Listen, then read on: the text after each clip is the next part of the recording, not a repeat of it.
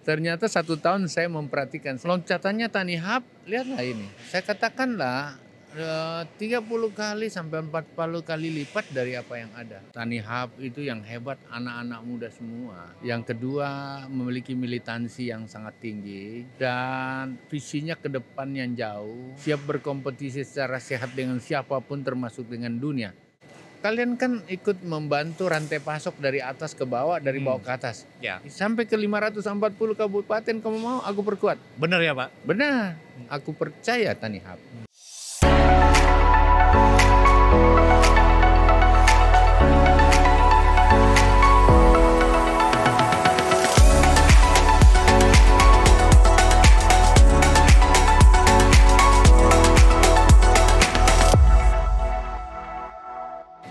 Apa kabar semua kembali bersama kami di video podcast Tani Talks by Tani Hub Group dan masih di NFC atau National Fulfillment Center salah satu fasilitas Tani Hub Group yang ada di Cikarang Jawa Barat. Kalau ditanya siapa sebetulnya bapaknya Tani Hub atau bapak pembinanya Tani Hub? Jawabannya pasti Menteri Pertanian. Nah, oleh karena itu sudah bergabung sebagai tamu di podcast kita kali ini langsung ada hadir di National Fulfillment Center kita Bapak Menteri Pertanian Republik Indonesia Pak Syahrul Yassin Limpo. Selamat datang Pak Mentan. Ade, selamat datang. Semuanya selamat datang. Apa kabar Pak? Ya kabar selalu baik tentu. Eh, dan dalam kehidupan pasti ada yang tetap ada eh, life is a crisis. Hmm. Ada tantangan-tantangan. Tantangan, ya. Dan kalau jawabannya baik-baik saja itu tandanya dalam kendali semua tantangannya. Oke, Pak Mentan, Pak Mentan kan tahu banget nih perjalanan Tani Hub. Setahun nggak ketemu kita ya. Ini gimana perkembangan Tani Hub sejauh ini menurut Pak Mentan? Kamu harus tanya dulu deh, apa sih yang hebat di Tani Hub? Di mata saya seorang menteri, Tani Hub itu yang hebat anak-anak muda semua. Anak-anak muda semua. Yang kedua memiliki militansi yang sangat tinggi Hmm. dan visinya ke depan yang jauh, Hmm. siap berkompetisi secara sehat dengan siapa pun termasuk dengan dunia. Hmm. Saya mencoba mengukur lima variabel itu, ini Tani Hub mampu nggak menjadi sesuatu yang besok menjadi pilar pertanian eh, nasional kita. Dan saya nggak salah feeling, ternyata satu tahun saya memperhatikan, saya sudah satu tahun jadi menteri, Hmm. loncatannya Tani Hub, lihatlah ini. Hmm. Di tempat ini saja yang kita saksikan sama-sama dengan satu tahun yang lalu, ini kayaknya hampir ya saya katakanlah 30 kali sampai 40 kali lipat dari apa yang ada 30 sampai 40 kali lipat lompatan lompatannya ya. dari yang Bapak tinjau Iya, di Bogor waktu di itu ya. Bogor, di Bogor. Kan Bogor itu paling andalan Tani Hub Hmm. tahun lalu. Hmm. Kok cepet banget? Makanya itu tadi saya merasa ini sesuatu yang eh, memang eh, menjadi role model, jadi jalan tuntunan Hmm. Bagi anak muda Indonesia untuk mengatakan pertanian itu sebuah profesi dan komoditi yang tidak pernah uzur Hmm. dari tantangan, tapi di setiap tantangan apa pun yang mampu bertahan, mampu survive adalah pertanian. Oke. Dan kalau begitu, ini menjadi pilihan-pilihan untuk anak bangsa Hmm. dan lebih khusus lagi bagi pemuda. Hmm. Karena mau atau tidak proses demografik kita 40% anak muda, Ya. kita punya bonus nanti Hmm. di 2030 kan. Dan sekarang sudah mulai hadir. Tani Hub pilihan. Oke. Jadi kalau bicara tantangan pertanian yang diselesaikan oleh Tani Hub apa nih Pak? Yang diselesaikan oleh Tani Hub persoalannya. Ah, oke. Ini pertanyaan berat, Dek. Cuman gini, budidaya kita oke. Hmm. Ya, udah banyak lah. Walaupun di sana juga persoalannya masih ribet banget, masih banyak banget yang harus kita benahi. Hmm. Tetapi kemudian membangun rantai pasok dari budidaya ke processing, Hmm. ke packaging, ini menjadi bagian-bagian yang kelihatannya kita tertinggal dari negara lain. Hmm. Nah, Tani Hub masuk di situ. Hmm. Dia masuk meng-hire sedikit budidaya, untuk saya anggap dia masih belajar di situ dan I am okay about that. Kemudian masuk pada processing, mencoba mengpackaging. Ini juga sudah mulai kelihatan menjadi sebuah kebutuhan. Kita mau yang higienitas, kita mau yang simple, kita mau yang uh, cepat gitu, dan kita mau yang tidak misling. Lain kita order, lain yang datang kan. Dan kemudian marketplace kita Tani Hub miliki itu mampu menerobos itu. Jadi kalau begitu persoalan pertanian dari hulu ke hilir petani uh, Tani Hub hadir gitu. Oke. Hadir. Dan besok itu saya berharap dengan ya fasilitasi sedikit pusing Mhm. menjadi support system Kementan, Kementerian Pertanian dengan jajaran yang begitu banyak sampai di desa itu Tani Hub harus di depan gitu. Kita Apa do- yang apa yang bisa dilakukan oleh Tani Hub? Apa yang bisa disupport oleh Tani Hub dan apa yang bisa disupport oleh Kementerian Pertanian untuk bisa jalan bersama-sama nih Pak? Oh, banyak banget deh, banyak. Dengan program-program Kementerian Pertanian misalnya. banyak. Co- Contohnya begini. Kalian kan ikut membantu rantai pasok dari atas ke bawah, dari Hmm. bawah ke atas. Ya. Ini panjang banget kalau dijelaskan. Hmm. Salah satu kau boleh lakukan, kau mau di titik mana dek? Hmm. Aku perkuat. Kau mau di Jawa Barat. Di Jawa Barat kau mau sepatnya di mana? Di Garut. Hmm. Aku perkuat. Aku punya jajaran situ. Tani Hub main. Aku percaya Tani Hub. Hmm. Karena Tani Hub, anak-anak muda yang militan, Tani Hub mampu melakukan organizing uh, sistem yang cukup uh, baik, Hmm. menggunakan digital, marketplace-nya ada. Ya. Oleh karena itu, saya sebagai Menteri Pertanian sayang banget kalau nggak dukung yang kayak begitu loh, Mhm. ya. Karena memang tugas saya itu. Oke. Hmm. Oleh karena itu, yang mana yang kita dukung? Kau mau di budidaya, saya dukung. Hmm. Kau mau di marketplace-nya untuk kembali uh, memiliki titik-titik seperti ini, Hmm. kau mau di provinsi mana? Aku perkuat yuk. Oke, jangan di provinsi. Sampai ke 540 kabupaten kamu mau, aku perkuat. Bener ya Pak? Benar. Hmm. Enggak, bukan benar aja, adek. Aku janji. Ah. Yang saya mau tagih nanti besok, adek mau janji nggak sama saya mau buat itu? Siap, siap. Ini tantangannya berarti ya, tantangan yang yang harus dihadapi. Iyalah, Kan kita harus kata Pak Mentan tadi kita harus menghadapi tantangan terus menerus. Iya, terus, terus, terus. Dan kita nggak boleh lagi. Kan gini, petani dapatnya sedikit, pedagang dapatnya banyak. Kadang-kadang eh, ya super pendapatannya besar sekali, petani sedikit. Ini kan harus diimbangi. Kalau untuk mengimbangi ini rantai pasok didekatkan. Mhm. Jangan lupa pertanian itu punya kosra tani. Mhm. Kosra tani itu di Balai Penyuluh Pertanian di setiap kecamatan. Mhm. Setiap kecamatan pun kalian boleh pakai. Mhm. Memang tugasnya itu. Oke. Gitu.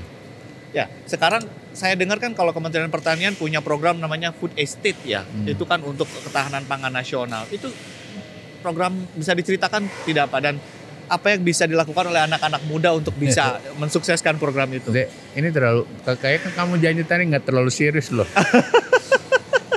kamu serius banget. Oke lah. Tapi putih itu gambarannya begini, kita punya hamparan yang luas. Baik di daerah rawa, dataran rendah, yang di bukit-bukit maupun di gunung kan. Dan masih banyak yang tidak optimal atau cut and cut masih idle Mhm. tidak optimal, tidak termanfaatkan. Ya. Kalau begitu kita buat kawasannya, namanya kawasan food estate. Mhm. Kawasan food estate itu rata-rata 1000 hektar, katakanlah begitu, bisa dikorporasikan antara seluruh petani yang ada di situ. Yang katakanlah rata-rata hanya, ya ada yang cuma menanam satu tahun satu kali, kita buat dua kali yuk minimal. Syukur-syukur kalau kita bisa buat tiga kali, kan saya konsentrasi. Mhm. Nah, ini kan kawasan dek. Oleh karena itu, dalam kawasan putih estate itu tidak cuma satu komoditi. Ya. Minimal empat komoditi. Ada peternakan, ada tanaman pangan, padi jagung, ada kacang-kacangan dan sayur, Hmm. dan ada perkebunan kelapa, jeruk, dan lain-lain. Nah, kita buat itu. Sehingga kalau dalam satu hamparan 1000 hektar, skala ekonominya bisa kita bangun. Mhm. Misalnya kalau kita dalam 1000 hektar itu selain padi jagung yang tiap 100 hari bisa dipanen, ada yang kita panen 20 hari karena sayur-sayurnya bisa baik, ada yang dibayar lima bulan satu kali, eh, katakanlah ternaknya dan lain-lain. Nah, ini semua membutuhkan packaging. Packagingnya saya kita butuh. Oke. Ya, eh, mengindustrikan atau melakukan processing awal, mengolah apal, pemetikan awal bisa dilakukan. Udah berskala ekonomi. Iya. Katakanlah contohnya gini, dari padi kita tidak jual gabah lagi, rakyat tidak jual gabah, tapi dibeli di dalam konteks beras. Oke. Berasnya itu kemudian ada sekamnya kan, sekamnya juga harus di- dibayar dong. Iya. Selama ini kan nggak dibayar. Tapi ini hanya ada kalau skala ekonomi susah. Ya, Eh, jerami yang ada tidak hanya dibuang, mungkin ada persoalan lain. Kelapa itu mulai dari sabuknya, Ya. kemudian dari eh, tempurungnya menjadi brikat, kemudian em, apa mm, dagingnya bisa menjadi Santan. santan, eh, airnya bisa nata de coco. Kalau gitu industrinya di mana nih? Nah, dalam proses-proses itulah kita berharap margin yang ada di bawah itu sudah bisa lakukan. Kemudian, nah ini contohnya Tani Hub. Tani Hub sudah bisa masuk di situ, di Ya. hulunya gitu loh. Di marketplace-nya. Hmm. Atau mulai dari industrinya juga boleh. Mhm. Kita tinggal bicara. Nah, itu aku lakukan di tempat di Rawa Mhm. dan sekarang ini mulai bela- belajar menghasilkan dan hasilnya cukup bagus. Mhm. Kemudian di eh, Sumatera Utara di Humbahas di ketinggian 1400 untuk kentang, Iya. eh, bawang putih, bawang merah cukup bagus di sana. Kalau tomat-tomatan udahlah Oke. tem- semua tempat ada. Nah, kita buat lagi di dataran rendah di pulau Mhm. di Sumbawa Tengah Ya. itu satu hamparan padi jagung termasuk eh, eh, ubi kayu ya seperti itu kita dan ini bisa diskalakan dengan turunan-turunannya Oke. ya kita bisa buat eh, dalam hamparan yang 1000 hektar itu padi jagung eh, terus sayur terus ada kelapa jeruk dan lain-lain tapi ada ternaknya juga Hmm. kita buat peternakan itik yuk bebek Hmm. itik ya Mhm. orang Makassar bilang itik Oh, kalau di Jawa bilangnya bebek. bebek Hmm. nah bebek kita nggak usah nggak usah jual eh, telur bebek dong Hmm. daging bebek keluar eh, telur eh, bebek yang sudah telur menjadi telur asin Telur asin dari sudah di ya. packaging dan ini tani hub bisa masuk Hmm. gitu Oke, jadi mau di mana nih tinggal ngomong gitu ya sama Pak Mentan ya. Sama-sama ya aku mau justru aku yang mau loh Oh gitu. bukan kalian yang mau Berarti kita yang dikejar-kejar sama Pak Mentan Kau nih yang jadinya. harus saya kejar nggak boleh kau ajak-ajak saya ke sini baru bentar kamu lari Jadi kayaknya kita yang dikejar-kejar sama. Pak Mentan nih. Nah, selain food estate itu juga ada korporatisasi pertanian, ada juga petani dua setengah juta petani muda ya Hmm. di Kementerian setengah. Pertanian itu gimana tuh Pak? Eh, apa Dua yang bisa juta kita itu- kontribusikan dalam program itu? Iya, karena gini, petani-petani tua kita kan sebentar lagi akan habis. Hmm. Kemudian kemarin ini paradigma pertanian itu telanjur yang jorok, yang miskin, yang tidak ada uang.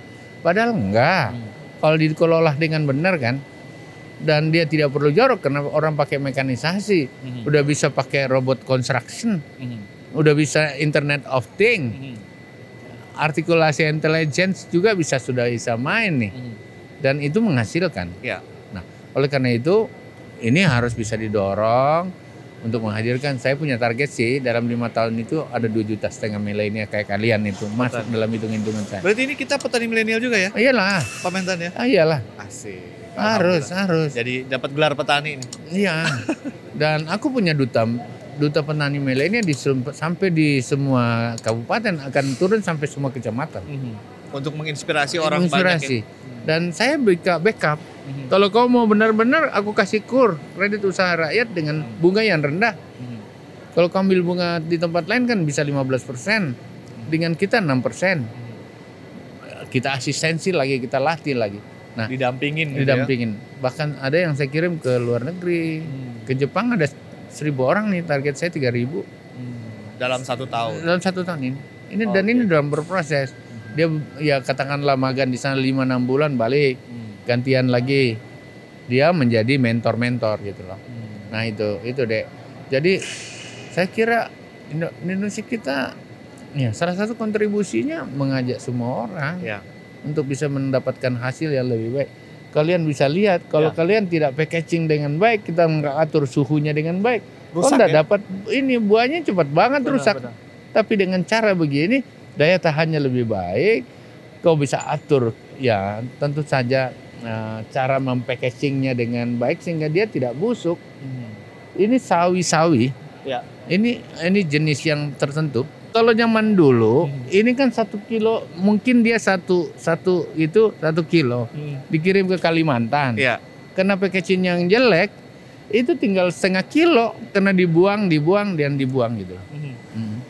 Gitu. Oke, jadi kalau itu kalau dengan proses yang benar eh, breakage-nya berkurang dan Iya. eh, apa food waste juga jadi berkurang gitu ya. Iya, jadi Baik. jadi rusaknya itu sedikit gitu. Hmm. Rusaknya sedikit akhirnya kan ha, itu lama-lama kalau satu kotak besar-besar begini hasilnya besar loh banyak. Oke. Ini kayaknya semua pertanyaan Pak Mentan bilang kamu mau apa? Kamu mau apa? Kamu yang saya kejar-kejar nanti. Iya. Iya, kamu boleh tanya. Ini Tani Hub selalu saya kejar ke mana-mana gitu. Siap. Sekarang baru saya senang. Hmm. Satu saat aku mau lihat kita terobos pasar melalui Tani Hub, Siap. pasar dunia. Mhm, mhm. Kita Ya. juga udah mulai ekspor kan Pak? Iya, tapi baru sedikit. Hmm. Jangan bangga dengan itu. Ya. Harus kamu terus kamu kamu tahu kembang saya itu anak-anak muda semua loh. Hmm. Dan sekarang kita udah kontrak 2,3 triliun di uh, Eropa dan Amerika. Saya dikasih bicara-bicara di mana pun mereka datang. Bener, bicara dulu dengan orang bayar-bayarnya cuman nggak tahu bayar bener apa enggak. Cuma toko yang penting dia udah kasih lihat tokonya ini. Iya. Supply eh, Pak Mentan bicara, aku support nih. Siap. Kamu mau doa apa? Ya, gitu. Oke. Oke, Pak Mentan, eh, boleh dong eh, saran dan masukan untuk Tani Hub ke depannya apa? Hmm, aku ingin rubah begini. Kamu itu andalan. Kamu nggak perlu saran siapa-siapa. Yang saya mau, kamu nggak boleh takut. Yang saya mau, kamu terobos dan nggak boleh kalah dengan negara lain. Itu. Jadi apa sih sarannya? Enggak. Kau lebih tahu dari saya. Sekarang terobos. Hambatanmu di mana? Kasih tahu saya. Sepanjang itu benar, itu tidak korupsi, kasih tahu saya. Saya libes. Yap. Gitu. Untuk petani ada saran mungkin Pak? Himbauan petani-petani muda mungkin? Ya inilah waktunya petani muda. Jadi gini, dulu ini zaman-zaman saya masih muda cari uang itu ke kota tahu. Sekarang cari uang itu di desa. Gitu ya? Covid ini ngajarin kita begitu kan. Dan akhirnya dunia terbuka bahwa antara desa dan kota sama. Tergantung kamu mau berkeringat dan mampu melakukan motivasi terobosan yang kuat apa enggak gitu loh. Kalau begitu, petani muda, petani yang ada di desa, kamu bukan lagi orang miskin. Hanya ya kalau mau kaya lebih banyak, bekerja lebih besar, Oke. mampu bekerja dengan hati, dengan tulus, tanpa ada kepura-puraan. Kadang-kadang seperti itu. Karena begini, pelanggan dan market itu mau yang continuous. Itu yang pertama. Kadang-kadang kita order ini hari ada, besok hilang orangnya. Nah, ini ini mentalitas yang Oke. di Jepang itu kecil-kecil tapi dia tekun gitu. Jadi continue barangnya kedua Pak ya? barangnya. Yang kedua, ya pelihara kepercayaan dari customermu. Kalau dia pesan kualitas satu ya yang kasih kualitas dua gitu. Nah gitu. Siap. Kalau ini semua yang kecil-kecil gini kita mampu benahi, misalnya. Oke, Gitu deh. baik. Satu lagi deh Pak, boleh nggak mumpung Bapak masih di sini? Ini perlukah menurut Bapak apa namanya perdagangan komoditas pertanian go digital Pak? Bukan hanya perdagangan aja, tapi semua ekosistem go digital untuk pertanian khususnya. Mau nggak tahu pikiran saya deh. Apa Pak? Kalau kau nggak pakai digital mati aja deh lu. Gitu.